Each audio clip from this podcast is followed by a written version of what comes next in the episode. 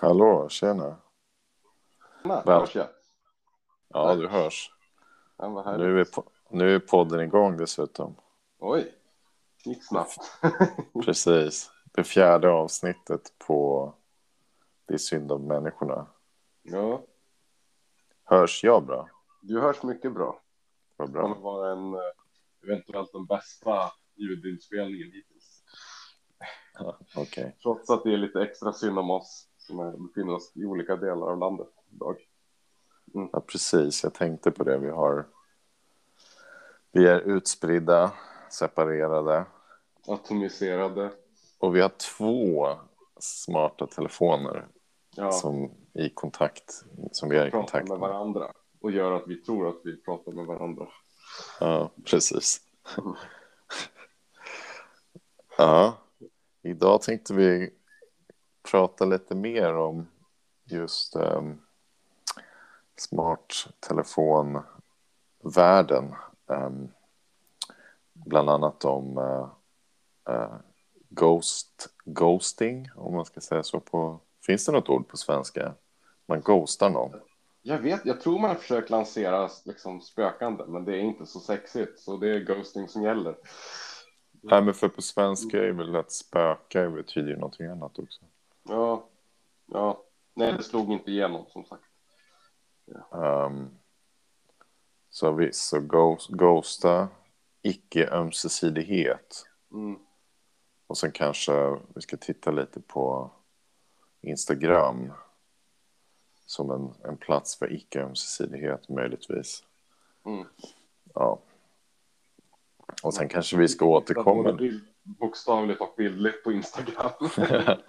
ja, Instagram, eh, vad heter det?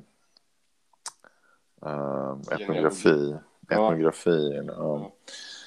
Um, jo, lite där kanske tillbaka till det där med hur algoritmerna eh, producerar oss eh, och hur vi genom att vara aktiva matar algoritmerna. Eh, och att, ja, på vilket sätt det föder någon form av standardisering eller konformism. Mm. Men eh, apropå, men du pratade väl förra gången lite om eh, om det här med att det fanns en stress. Eh, Ja, men precis. Alltså, r- rules of engagement för det digitala livet. Det är ju inte riktigt klarlagt. Nej, precis. Och, Precis. eh, och det är Apropå- ganska lätt att, att, att hamna fel. Det är ganska lätt att bli sårad, att såra andra, att, eh, eh, ja, att det uppstår intressanta frågetecken för att man har olika förväntningar på hur aktivt det digitala livet är eller, eller hur, hur verkligt det är med mera. ja, precis. Det vi ska prata om, icke-ömsesidighet och, och ghosting då. Ja, ja precis. Um, det är... Um, det här med rules of engagement, det är väl också att det är eh, någon form av brist. Det var ju det vi pratade om i vårt första avsnitt, det här med brist på civilitet också. Att Mm. om man tänker att det är synd om människorna i Stockholms kollektivtrafik eller eh, offentliga platser eller i vardagslivet Mm. för att folk inte säger hej eller tack eller ursäkta och så vidare och är allmänt tafatta eller klumpiga. Mm. Då är det liksom synd om människorna på ett mycket mer kanske affektivt eh, irriterat eller liksom eh, explosivt sätt när vi kommer till det digitala.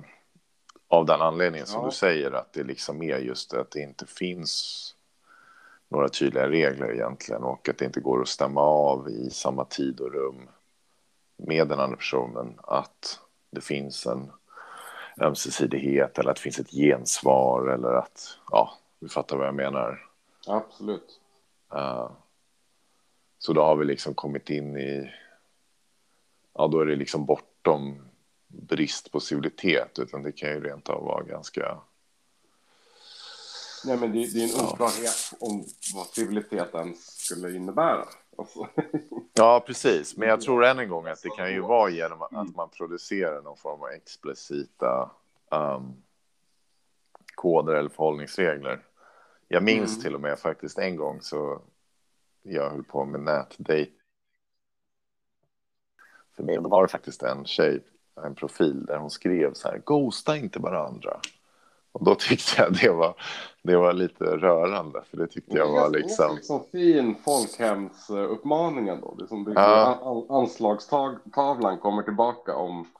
Fast det var, nej, men det var liksom mer subversivt på det sättet. Alltså, det kändes subversivt för att det var liksom, mm. det var lite nästan som i The Matrix, att det var någonting att man liksom vände sig mot ett, en vinkel eller en punkt som ja. alla liksom vägrar att förhålla sig till, men som är så här absolut konstitutiv för alla. Liksom.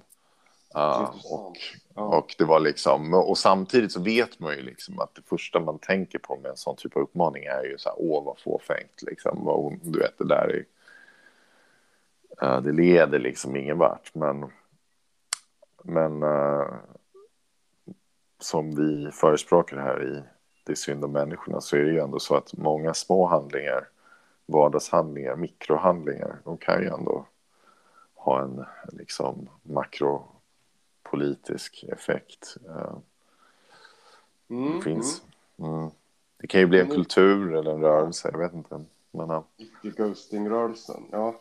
Det finns ju eh, en form av, vad ska man säga, annan typ av eh, eller vad ska jag säga, det, det är inte anti-ghosting, för det är ändå det är att avbryta kommunikationen, men, man, men att göra det på ett civiliserat sätt. Och det kallas för Caspering, som i Casper the Ghost. Men vi kanske återkommer det om, eh, om, om en liten stund. Okay, men... Du, du, tog ju upp äh, äh, nätdating och då vill man ju på en gång äh, dyka in i historier där. Men jag tror att vi kommer ha ett avsnitt mer specifikt om det senare. Så vi kanske, liksom, kanske går in på det lite grann idag och sen så pratar med, men ändå liksom behåller eh, huvud, eh, huvuddelen för att avtäcka senare. och prata mer om, om vanlig ja. kommunikation, daglig, över Messenger eller Instagram. Mm. ja. det, är så pass, det är så pass rikt. Eh... Ja fält så att uh, det kräver ett avsnitt uh, mm. bara för det. Mm. Um, men berätta lite om det här med caspering, det har jag aldrig hört faktiskt. Nej, men alltså det är väl caspering, det är när man avbryter kontakten men förklarar varför.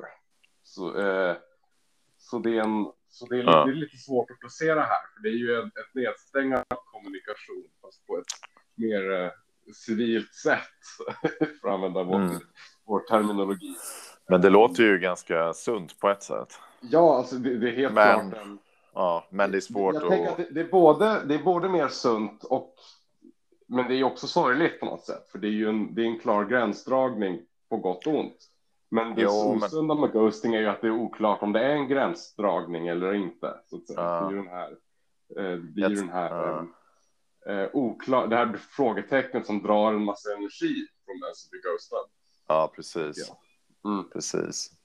Men det jag tänker att det är liksom, mm. även i Caspering är det väl någon form av så här, det blir ju ändå att det alltid är ojämnt. Och sen kan man ju säga att så är det ju i alla relationer, liksom, men ja. att det är alltid någon som vill någonting mer än någon annan. Eller, men, men det blir liksom ändå att, vad ska man säga, att det...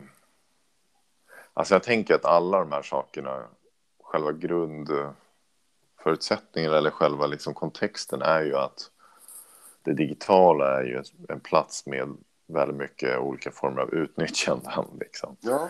Uh, och uh, just på grund av att det är så oklart och det inte går att stämma av så att liksom en person kan börja liksom flyta bort, eller vad man ska säga. Um, och liksom, det går inte att klargöra om den respons eller aktivitet betyder det man förutsätter att det betyder. Och sen så liksom plötsligt står man där och fattar så här, nej men det betyder ingenting. Liksom. Mm. Ungefär. Uh, och jag tänker liksom att även Caspering kan ju av vissa, tror jag säkert, användas för att... Alltså det är i sånt fall om det skulle vara en ömsesidig caspering. Det, det kan jag tänka mig kan vara så att man... Och det tror jag händer på grund av att det digitala är ju även det som Deleuze pratar om som liksom kontrollsamhället. Alltså det är ju liksom en, ja. den här liksom konstanta, tidslösa, rumslösa liksom kommunikationen är ju också en form av kontroll uh, som, um, ja, men som är liksom upplösande på ett sätt. Alltså den är liksom ångestframkallande i, i sig på ett sätt. Och, uh, och då tror jag att en ömsesidig caspering kan ju vara så här att man säger ja men det här skiten liksom är dålig för oss. Nu lägger vi ner det och så liksom får vi se om vi träffas på riktigt istället eller vad vi gör liksom. Men, Precis, det finns liksom ett befrielsemoment eller element. Ja, men det, det är som en så här ömsesidigt självmord liksom i det digitala. Liksom. Kollektivt självmord liksom.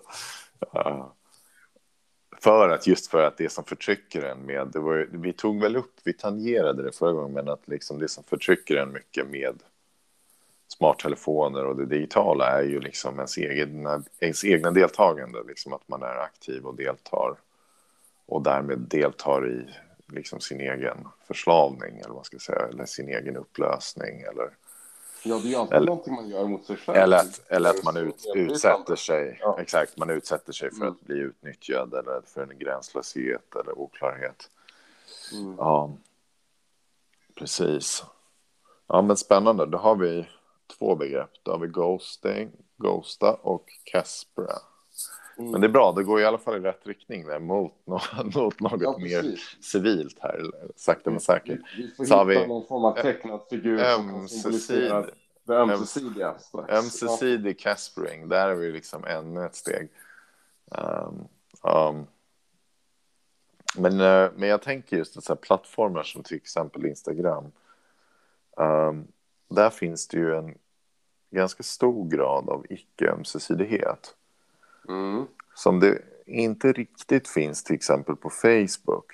Um, för på Facebook, Facebook är det ju så att... en kollektiv dimension. Det det för, för Facebook är det ju så här, om, om ja. du är vän med någon, mm. då är ju ni vänner tillsammans. Liksom. Ja.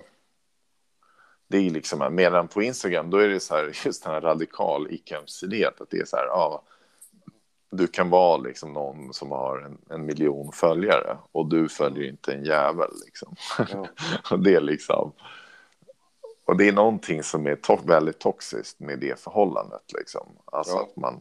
Ja, som är så dåligt för... Det är självklart att det är dåligt för dem som liksom inte då blir följda eller man ska säga gengäld. Men det är ju minst lika dåligt för den som inte själv liksom Alltså att inte vara ömsesidig som människa mm. är ju också på något sätt, alltså en, då man förlorar liksom sin förmåga på något sätt att mm. vara mm. mänsklig, liksom, att vara empatisk eller att vara generös, liksom, eller vad man ska säga. Så det blir någon form av så här narcissistisk så här, radikalisering. du drar det lite långt här.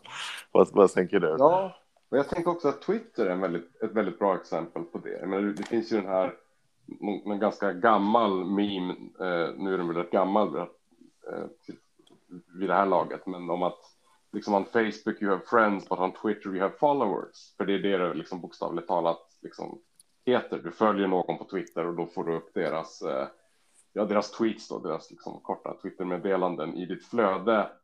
Eh, och det, det, behöver inte finnas någonting ömsesidigt. Du, du, kan följa vem som helst och vem som helst kan följa dig om du inte skyddar ditt konto och gör det mer exklusivt. Ja. på Instagram. Men, men, men spontant så, så du följer någon eh, och då dyker deras eh, tweets upp i ditt flöde. På Facebook eh, då, då, då eh, du, du, skickar, du skickar ju en vänförfrågan och den accepteras gissningsvis. och sen är ni vänner och sen ser ni varandras eh, eh, ja, ja, Facebook eh, eh status. Ja, ja precis. Ja, precis. Um, så den där, ja, och, eh, Jag vet inte, jag tycker att Twitter blir en väldigt bra exempel på den här icke-ömsesidigheten också, för att det har ju varit någon sån här debatt om eh, reply guys, som det heter på Twitter, som då är oftast om du har liksom lite halvkänd person som skriver en tweet och sen så har du liksom ofta kanske 500 svar på den tweeten eh, som är liksom replies. Då är det liksom oftast är snubbar som säger någonting inte särskilt eh, ja, men det är inte särskilt upplysande och ganska onödigt. Det är, liksom, det är inte någonting de behövde läsa. Ja. Det är liksom någon form av bekräftelse på det som står i tweeten eller de försöker dra någon ordvits som är rätt dålig eller något annat. Så var det liksom, jag, jag kommer inte ihåg hur debatten började, men då liksom pratade man om att ja, det, det är väl eh, eh liksom, ja, men det, är liksom det, här, det här sänker hela nivån på den här plattformen. Men sen blev debatten ganska intressant när man då pekade ut ja, men två faktorer. Eh, det ena är ju att ja, men det är ju liksom det är de här eh, reply guysen som algoritmiskt ser till att de här liksom lyckade tweetsen eh, får bra eh, med traffic, liksom, som man säger, att, att de liksom blir populära och dyker upp i fler folks Facebookflöden för att, ja. att de svarar på det eh, matar algoritmen och visar och liksom säger till algoritmen eller vad man ska säga att ja, men den här tweeten är intressant, många vill se den. Och det andra var att jo, men om man då kollar på de som faktiskt har blivit stora på Twitter så liksom många börjar som eh, eh, mer lyckade reply guys eller vad man ska säga. Och sen så blir den där svaret till den ursprungliga tweeten retweetat kanske av den där personen och då börjar personen följa den. Och då liksom uh, tar personen sig upp i den här eh, Twitter-algoritmspyramiden. Eh, så det, det, är någon form av pyramidspel från början till slut, Twitter, utan någon som helst eh, ömsesidighet. Men där mm. du kan lyckas. Men om du inte lyckas, då, då matar du bara de lyckade personernas eh, Twitter, eh, ja men Twitter-game. Ja. Helt enkelt. Mm. Precis, så det blir någon form av...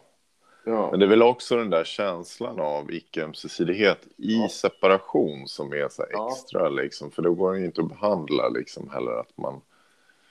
Ja, att man liksom är... Och det är det vi pratade om delvis, tror jag, förra gången, att det leder också till någon form av... Alltså den här obehandlade kommunikationen är ju liksom leder till att affekter på direkten sätts igång. Liksom. Um, mm. Kommentarer, mm. ja, meddelanden då, som man inte kan liksom... Um, man kan inte höra hur de är sagda, liksom vad det är för nyanser. Det finns liksom ingen uh, direkt så här, behandling. Vi pratade också om liksom, kroppsspråk och allt det här. Ja, det ja. implicita som inte bara är den rena informationen som ja, och då är liksom, och då är ja. icke, icke ömsesidigheten, den sätter ju sig då liksom på något sätt mm. i, ja, så att det skapar någon form av känsla av värdelöshet. Och jag tänker även att den här liksom, den här liksom radikaliserade narcissisten, alltså de här som är de som är liksom herre på täppan då, mm. de blir liksom någon form av, ja men du vet, någon form av så här, liksom halvgudar då som liksom ska, som, som själva liksom frånkopplas på något sätt. Jag vet inte, det måste vara en väldigt märklig, en väldigt bizarr sak att man har så här. Ja, vad gör det med dig psykologiskt? Ja. Alltså att vara, jag, menar, jag, jag är väldigt, eh, jag, jag, jag, är inte särskilt framgångsrik på Twitter, så jag har aldrig behövt ställa mig den frågan. Um, men jag har inte Twitter själv, nej, så jag, jag, jag kan inte, nej det, precis. Det så jag, jag, är så här, jag helt och hållet undvikit ja. det. Jag, liksom, jag vet ja. att så här, Donald Trump använde Twitter förut innan han blev utsparkad. Mm. Uh, och liksom, jag har själv aldrig liksom, satt mig in i det. Mm. Um, men däremot har jag Instagram då. Ja, och... Uh, Vad är ditt intryck av dynamiken där? Nej, men det är just, det är just de där jag är intresserad av. Just de här som har det. Om någon har 500 000 följare, men själv följer liksom 1500 till exempel. Uh, då undrar, och så ser man liksom att, ja men så här, vad är det för typ av... Man tänker liksom, hur påverkar det den här personen? Jo, det gör ju att personen blir på ett sätt, på ett sätt då producerad genom... Alltså att man blir på något sätt korrumperad eller köpt, liksom, eller vad man ska säga, mm. av av den här liksom. Så att man liksom blir den där personen som man förväntas vara. Liksom genom, och sen Instagram, det, är, det intressanta där, det är ju att det är ju liksom helt och hållet, apropå selfie-människan som vi pratade om förra gången, men att det är också helt och hållet producerat genom liksom smarttelefonen och den här liksom in, atomiserade individen som är kopplad till sin smarttelefon och kameran liksom, och en viss typ av synlighet. Liksom. Alltså vad är det jag fotar och så här, varför? Och då tänker man liksom att får man 500 000 följare då, då börjar ens foton och ens jag och allt man gör, allt liksom man företar sig, hela ens värld blir liksom konstituerad och produceras mer och mer egentligen kumulativt av den här liksom faktumet att man att man är väl antagligen en sorts likes-knarkare. Liksom. Det är väl liksom en, alltså, uh, jag vet inte, något sånt liksom. Och sen tjänar de väl pengar ibland på det också. Jag vet inte hur de gör det, men.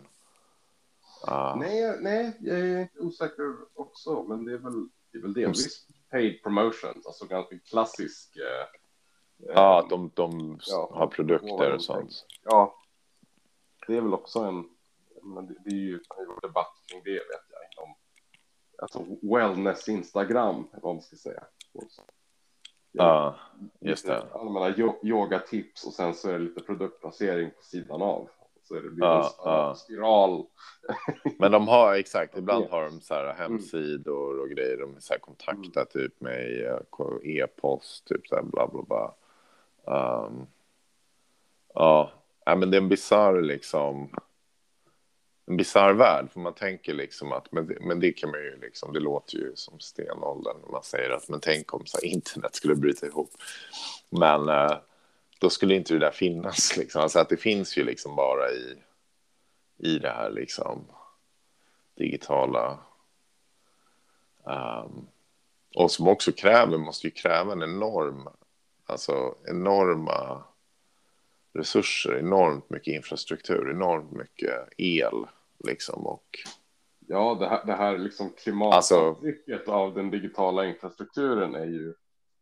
Ja, men alltså så här, men det är typ ganska... så här kryptovalutor kräver ju typ ja. lika mycket el som hela Sverige. Och då kan du, jag vet inte, Facebook och Instagram, hur mycket det kräver liksom. Det måste ju vara ganska mycket ändå.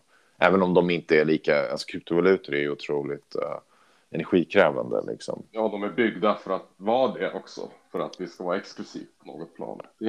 Uh. Så det, det, finns en extra pervers dimension där. Men, men, Just det. men med tanke på antalet människor som har kryptovalutor jämfört med antalet människor som har Instagram så säkert likvärdigt, alltså energi eh.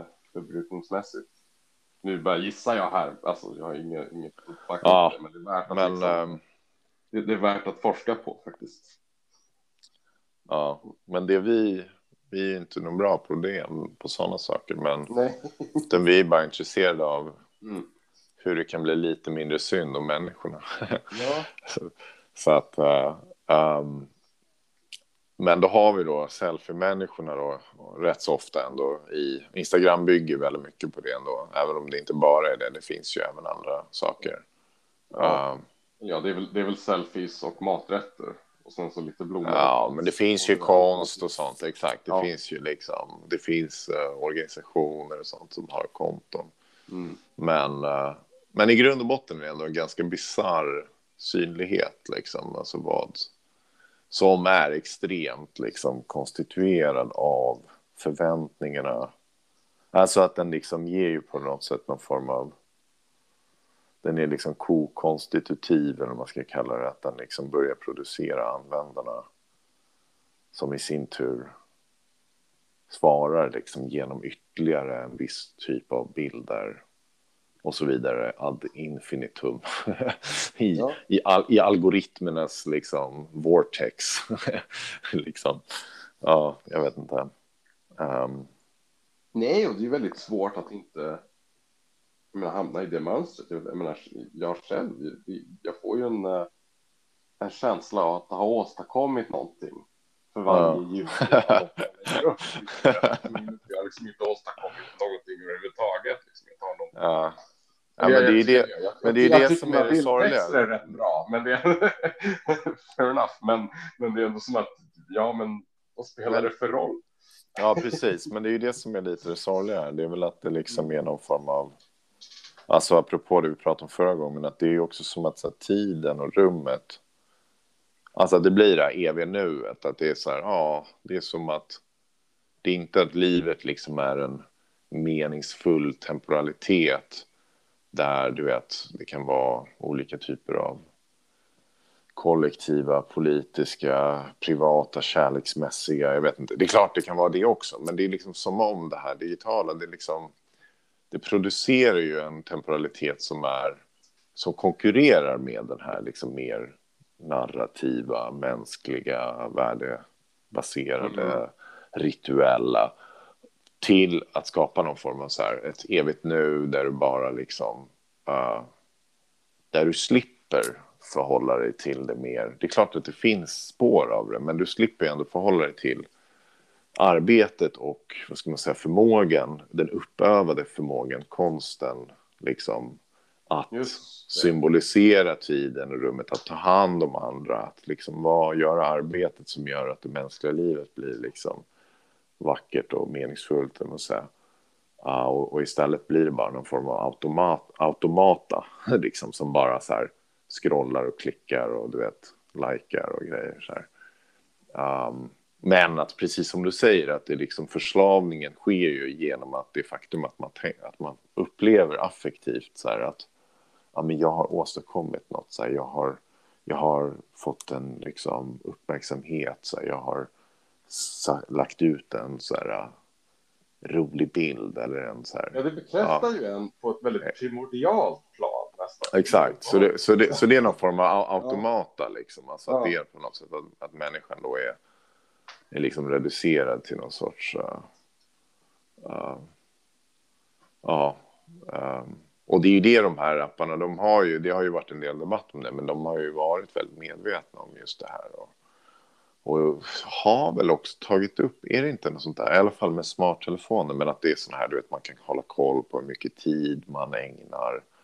Jo, men Instagramklockor finns, vet jag. Jag har ingen sån själv. Men Ja, men, du, men det är ju, du ser, det, det visar ju ganska väl liksom att så här, det är liksom en kamp om olika sätt att strukturera tiden och att det finns en medvetenhet om förslavningen. Liksom, man ska säga. Och det är lite sorgliga med det, det är väl att det liksom är på något, jag, jag tänker att det liksom förutom det mer meningsfulla, liksom, alltså att all form av konst eller vad ska man säga, men även liksom det politiska, det kräver ju någon form av tillskansande av en kapacitet, alltså en form av avalienering liksom, där man är verkligen i kontakt med liksom, och i ett sammanhang där någonting öppnar sig liksom som och jag tänker liksom att är, är det inte så, nu får du gärna säga emot mig om, om det här låter för drastiskt, men är det inte så liksom att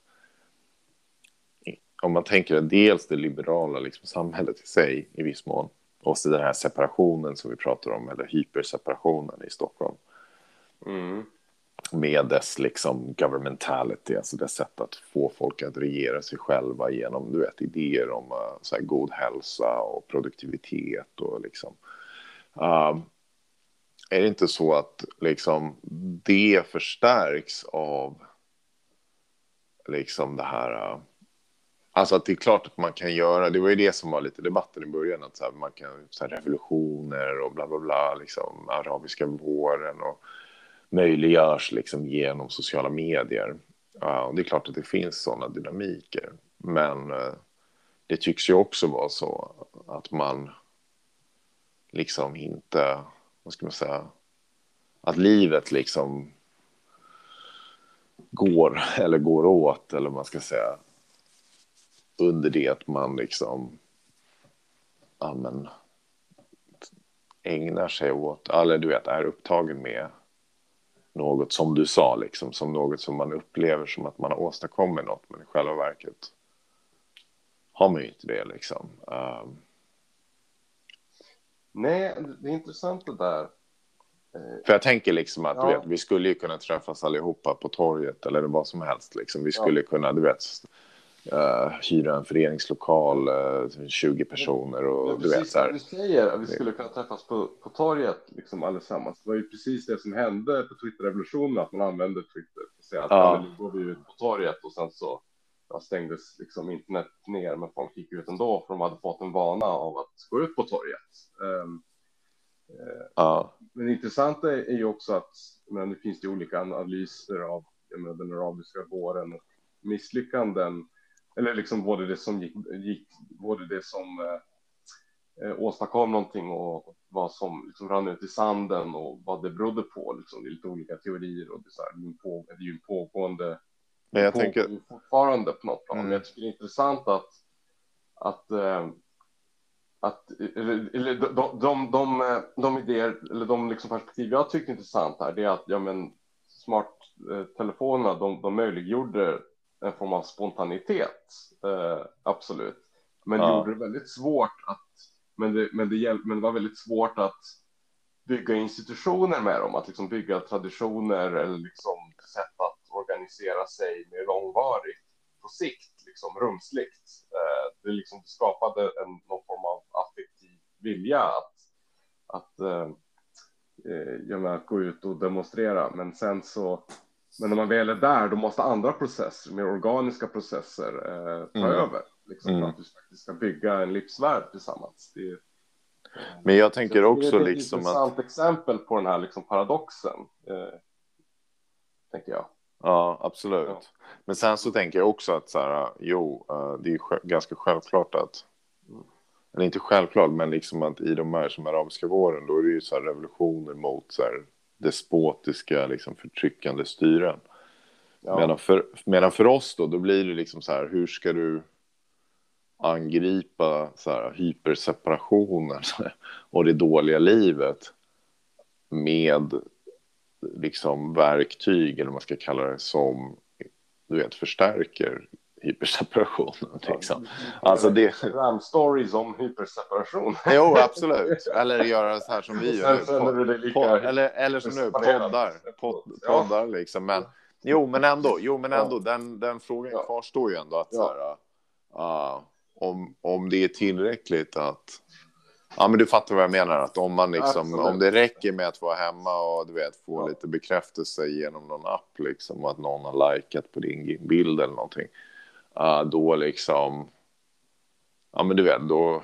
Ja, Ja, det, det blir Då- en form av, av säkerhetsventil nästan. Som att när Då- folk gillar din story om hyperseparation, då känner du dig lite mindre separerad. Men du, Ja. men du tillstånd är liksom detsamma.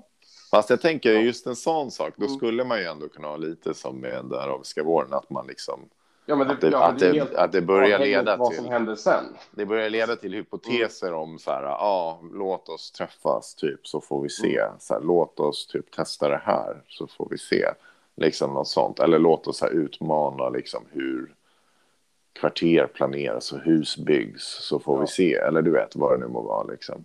Mm. Låt oss här strejka mot det dåliga livet liksom. Och så får vi se liksom. Ehm, ja.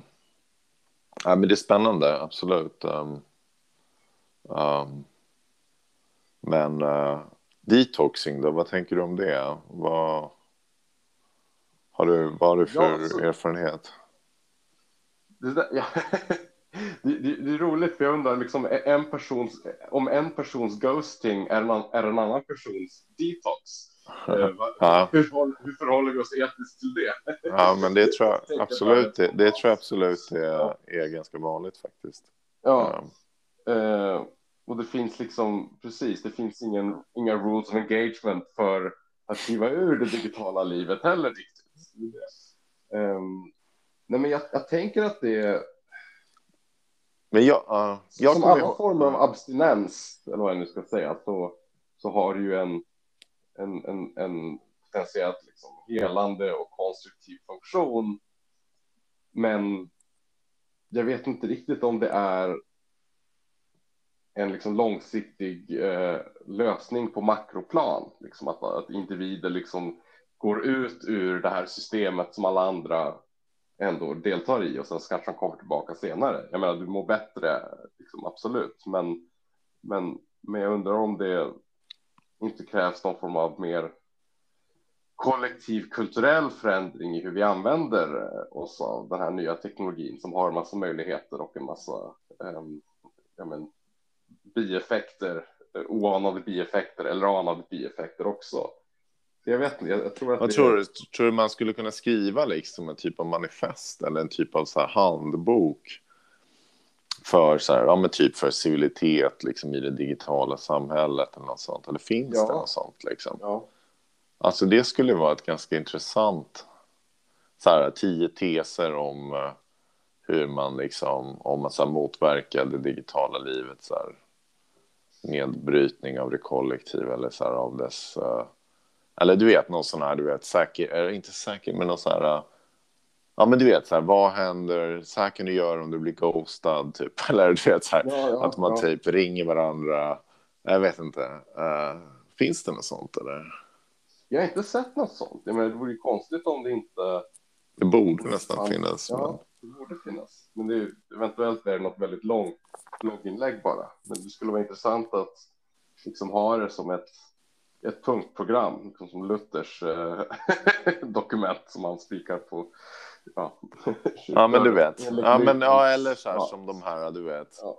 När kriget kommer, du vet, som man får Ja. i brevlådan från staten, liksom att så här, på samma sätt att man bara har så här, liksom, här Ja. Folkhälsomyndigheten kanske. Ja, men det- Liksom, men det- Den digitala folkhälsan. Men, men det känns ju lite som en så här, apropå liksom, om man tänker så här, arbetarrörelsen eller Mm. du vet så här, palm eller något sånt, liksom att man skriver någon så här pamflett liksom för så här, emancipation liksom i idag är liksom att så här, och det är det som är det hemska, det är ju liksom att förtrycket är så himla mycket mer effektivt, eller vad man ska säga, när du när det sker liksom genom din egen aktivitet, din egen affektiva liksom investering, när du liksom blir ja, men fångad av, av maskinen, eller vad man ska säga, när du blir liksom selfie-människan, eh, producerad i princip. Um, att liksom, ja men att det kräver liksom en ny typ av politiska pamfletter eller liksom så här frigörelseskrifter eller vad man ska kalla det. Mm. Som i viss mån finns, men liksom... Jag vet inte. Alltså jag har hört lite om så detoxing och sånt, men det har också blivit så här, som alltid med såna här liksom... Så blir det alltid du vet, någon som säger nej, men det där det är bara larvigt, det är inte på riktigt, vet, så här, de är nyliberala eller vad det nu är. Eh, Ja, ja, ja. men... eh, och det tänker jag, det är de väldigt... Men fram tills den stund som du säger, tills man liksom har någon form av... Man går från ett... Först frigör man sig, först bryter man med det som liksom... Du vet, får en att må dåligt eller att vara liksom, känna att man är alienerad, att man aldrig riktigt är sig själv eller att man liksom är hela tiden producerad av de här liksom likesen och, och liksom den här nerv, liksom nervretningen liksom som hela tiden Mm. pågår. Men sen så måste det bli nästa steg då, eller liksom att det blir någon form som du säger, att man bygger institutioner eller att man liksom tar...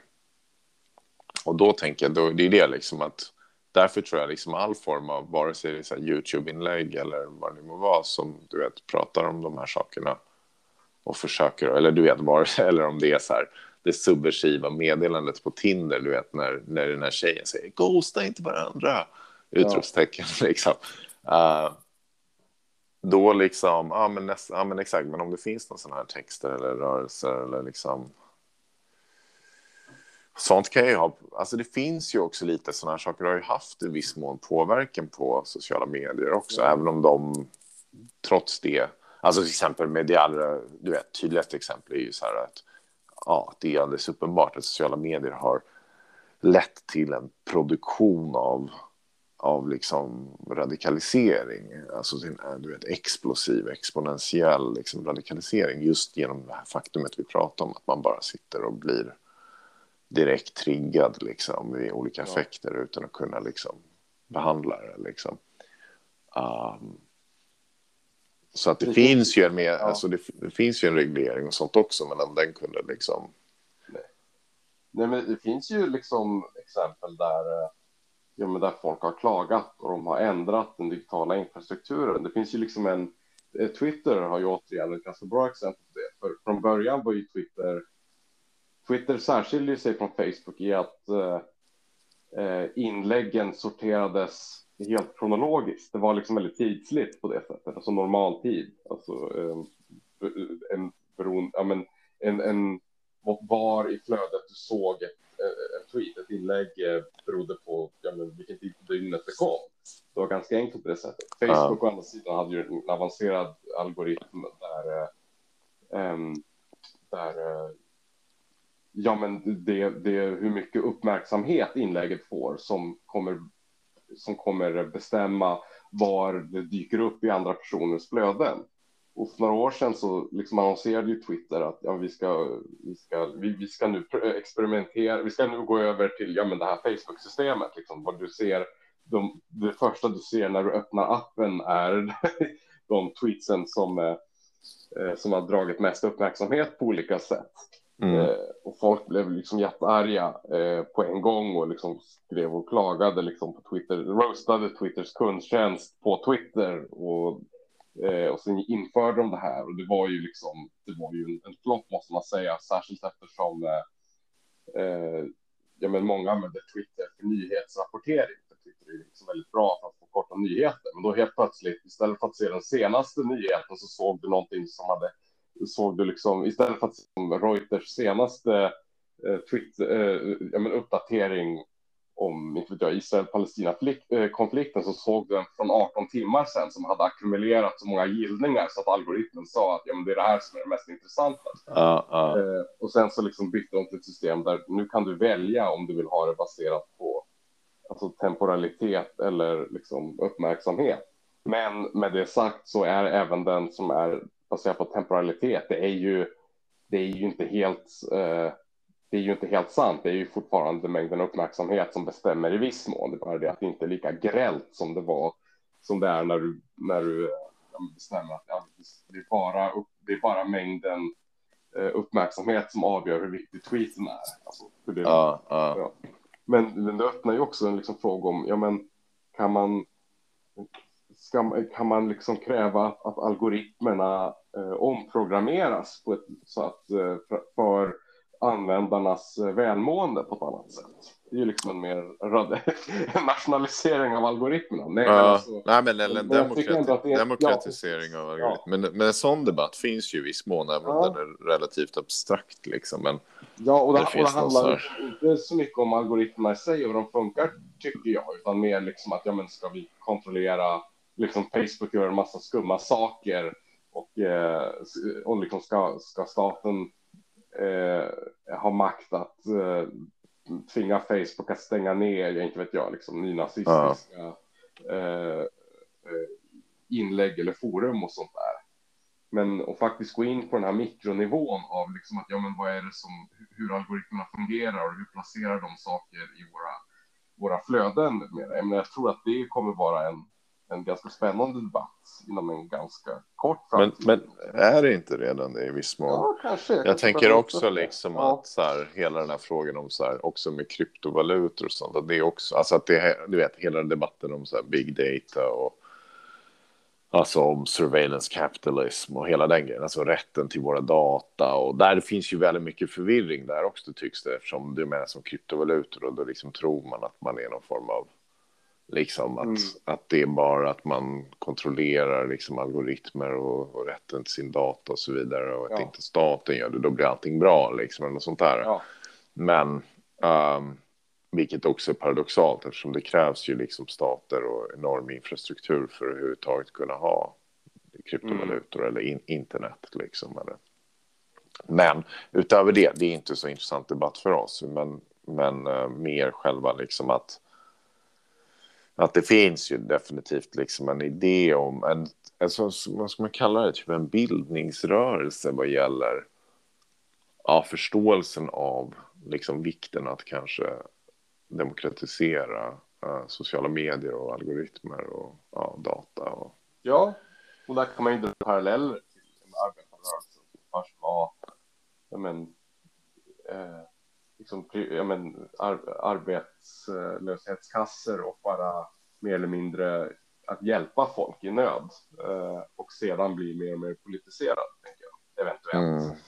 Fast jag Ehm. tänker ändå att frågan är ändå, jag tror ändå just det jag sa tidigare, just det här med civilitet, eller alltså så här, frågan om Ja, ett, så här, ett gott liv är nog betydligt mer, alltså jag vet inte, men den är ändå mer politisk i bemärkelsen att, först för den andra frågan, den är ju så här tydligt, ja men typ som att så här, ja, bara. Ja, eller till och med så här, du vet, vad ska man säga, libertariansk liksom. Eller så här, du vet att det, är, att det bara är någon form av, ja men så här, bara vi har rätt till vår data och våra algoritmer och så vidare då. Men, men det är ju inte alls den frågan vi lyfter eftersom vi tänker väl kanske också att man skulle kunna leva ett eh, mer algoritmfritt liv liksom överhuvudtaget liksom. Men, Ja, Alltså det är väl att man har rätt till sitt liv först och främst. Ja, ja. så att där man tror jag inte både att det... detoxa och omprogrammera de här algoritmerna. Ja, Nej, men exakt. Så jag tror inte det ena Ja. utesluter det andra. Det tror jag absolut inte. Liksom. Och jag tror att, så här, som du säger, att den här bildningsfrågan är, är fundamental. Liksom. Eh, för att, som sagt, för att jag menar, det finns ju så här... Jag vet inte om vi pratade om det kanske på andra avsnittet så, men att du vet ibland när man när man hör om liksom vissa debattörer som liksom uttalar sig om saker som om de fortfarande befinner sig på 90-talet. Alltså Mm. att man liksom inte egentligen utgår från de konstitutiva krafter som faktiskt här, formar oss liksom förutsättningar för till exempel demokrati då, affektivt och så vidare. Om man liksom, Mm. ja, om man till exempel utgår ifrån att, ja men bortser ifrån till exempel smarttelefoner och sociala medier, då, då liksom, eller, eller kapital, vet, finansfrågor, sådana här saker, då liksom är, då, då, då blir det liksom, då missar man rätt mycket. Um, Ja, oh ja. Som liksom ändå är... Så att den här bildningsfrågan är absolut central liksom för att... Ja, men lite mer så här... Ja, nej men så att man är både lite mer ajour och ändå kanske förankrad i liksom äldre idéer om frigörelse samtidigt liksom. Jag vet inte. Mm. Uh, jag tänker om, om vi liksom ska dra tillbaka det till eh, till. Till hänget. ah, Ja, till Ghost. till, nej, till hänget är ännu bättre. Eller hur förvandlar man, hur kan hänget lösa ghosting? Det kan- egent- den egentliga frågan. Ja, precis. Ja, men det är en ganska bra, det är en ganska bra fråga. För att Ja. eh, jag tror att den gör det i viss mån eftersom hänget på något sätt... Alltså, vad ska man säga? Jag tror att ghostingen liksom i viss mån uppstår när man redan sedan ett ganska länge varit så för, för digital eller liksom så för sitt eget bästa. Alltså man har redan börjat utsätta sig själv för en rad ja, för att bli utnyttjad på olika sätt. Liksom. Så man har ingått i en form av oklar relation Ja, som är digital. Och kanske samma veva. Alltså det, jag tror inte att man skulle göra, om du säger att du har tillgång till häng, du hänger mer och du har, då skulle det liksom inte vara, du skulle inte ha lika stort behov av, av det här digitala liksom tror jag. Och du skulle på något sätt affektivt liksom laddas ur, alltså du skulle få en trygghet liksom rent som skulle göra att du kanske inte um, ja, känner dig lika utsatt eller känner ett lika stort behov av att så här. Jag vet inte, vad tror du? Ja absolut. Men jag, jag tänker också att man kan vända på frågan och, säga, och liksom fråga ja, men vad, vad är det som är vad är det hotfulla i, i ghosting? För jag menar, vi har pratat om att det, eller vad gör det hotfullt och vad gör det liksom kränkande och, eh, och så vidare. För du sa just att, ja men, eller du sa just att, ja men, ghostingen oftast, det, det händer oftast efter eh, en längre period när kommunikationen har varit oklar. Men det intressanta med hänget är ju att ja, men det är också en, en ganska oklar situation, fast det är inte hotfullt. Det är mer liksom generativt, Ja. öppet och lekfullt.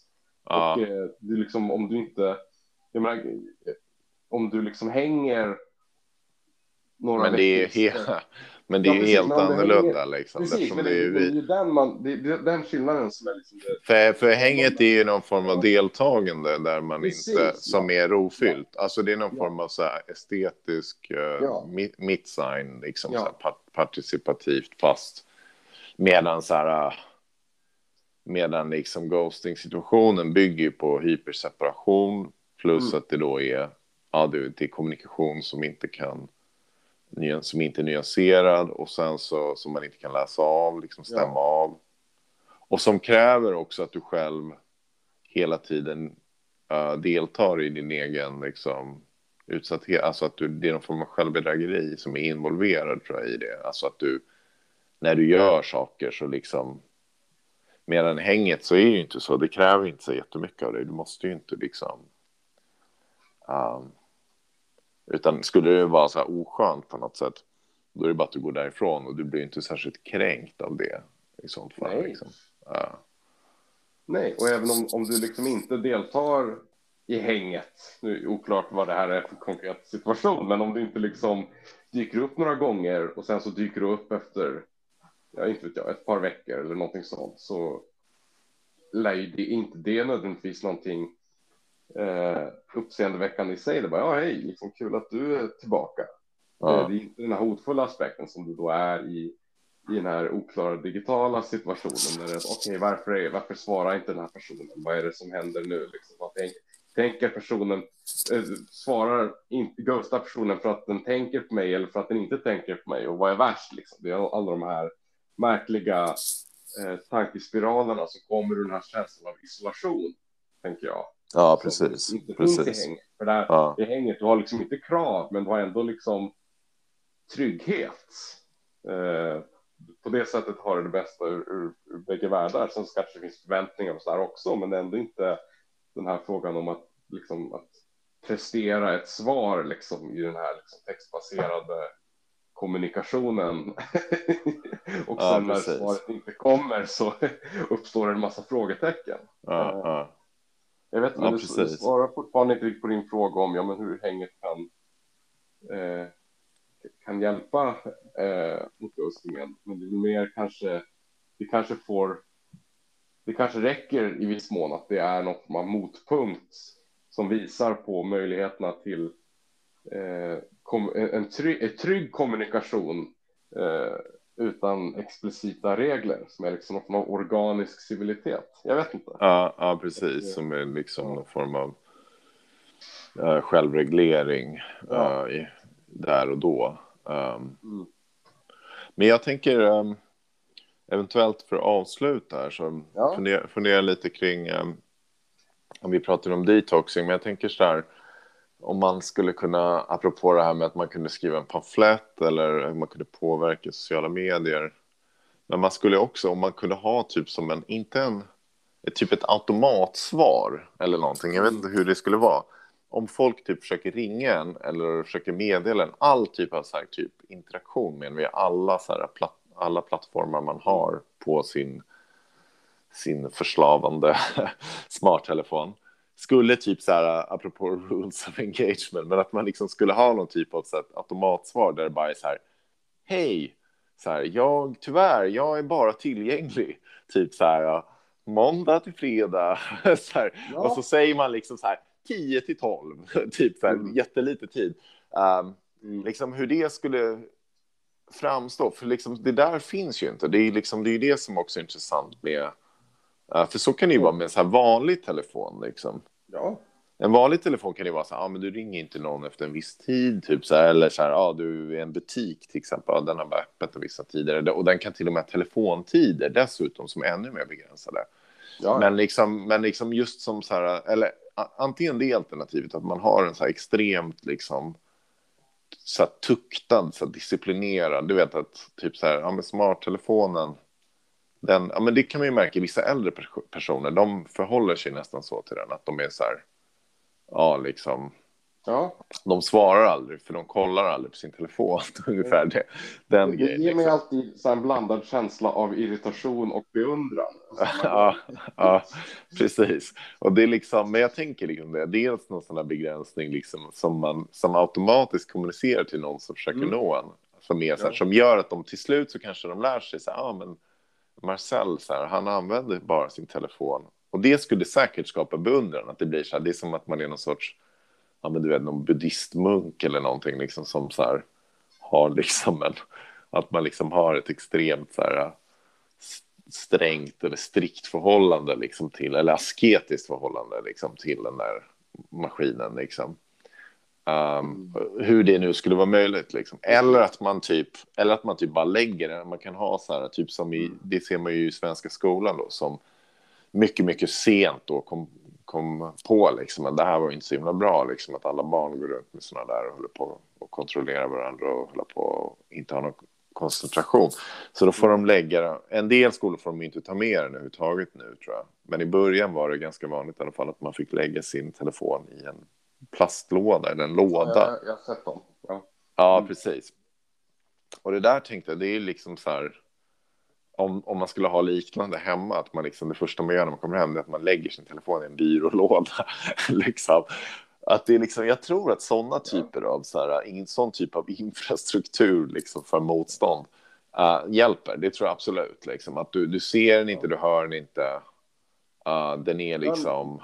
Nej men, nej, men det är ju ironiskt, för jag kan ju säga att på ett plan har ju min mentala hälsa blivit bättre i och med att mina batteriet på mina smartphones har blivit sämre. För då måste jag alltid gå och lägga den på laddning när jag kommer hem någonstans liksom. Och sen så glömmer jag att jag har den ett långt tag. så det är en, en, en, en antydan till det du pratar om. Um, men sen finns det ju folk som ska, men det är ju nästan till omöjligt idag, men att du skulle ha liksom en en gammal telefon till exempel som du bara kan ringa och smsa med. Liksom. Um, och då har du då en begränsning på liksom, all den här liksom, tillgängligheten. Ja, då, um, då men kan det du inte se ditt resultat på covid-testet du gjorde som kräver mobilbank-id. Ja, precis. Exakt. Mobilbank-id är ju Ja. liksom... Um, Bevis på liksom den, den strukturella nivån. Jag älskar mobilbank-id. ja, Men, eh, men ja, men det bevisar vår poäng också. På ett plan. Ja. ja, precis. Ja, Men absolut, men jag tänker att det finns ju så här en potens, eller ja, det finns ju en början på det du pratar om i med de här automatiska svaren som jag vet, jag vet om det är bara iOS. Alltså, jag vet att iPhone eh, har det, för jag har en iPhone. Men där om, om någon ringer och du liksom trycker bort samtalet så kommer det upp så kan du ha en inställning där du skickar ut automatiska svar liksom. Och de är ofta ganska liksom taffliga, liksom sorry I can't call now, eh, talk now eller liksom can I Ja, call you ja. later? Frågetecken. Det är inte så här, de är inte det är inte jätteinspirerande, men det där skulle man kunna utveckla och även ha på en massa andra plattformar. Eh, ja, sen så det, det är liksom det är ju en början ändå till det vi pratar om, tänker jag. Mm, absolut. Exakt. Mm. Uh, sen kan man ju ha så här att man stänger av såklart notifieringar. Och det där var ju någon så här, jag tror jag hörde någon stund, det var ju en del som liksom, det var en revolution för vissa personer den dagen. De liksom fattade så här att jag kan faktiskt stänga av mina notifieringar. För de, Ja. det har ju varit en del forskning kring det och det har ju de här sociala medierna varit väl medvetna om. Att när det kommer upp en röd siffra liksom Ja. på en app, då, då Säkert liksom... de som har gjort forskning. Ja, men precis. Då, liksom, då träffas människan liksom i sitt affektiva centrum liksom, och bara triggas på direkten. Um, och det är ju så här, det har ju, ja, till exempel jag har ju tagit bort notifieringar på ganska många appar. Uh, Mm. liksom. Det gör en väldig Så. skillnad. Alltså Ja, absolut.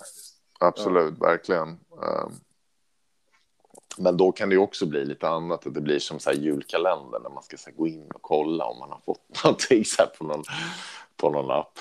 Och så är det lite så här befrielse när man inte har fått någonting. Ja, jo, jo. Då, Win-win situation. ja, precis. Då finns det liksom en så här göttig känsla i det också. Liksom. Så det finns liksom. Men det är liksom en så här rofylld, ja, det är man fall inte helt så här förslavad av triggningen. Liksom. Mm. Ja. Ja.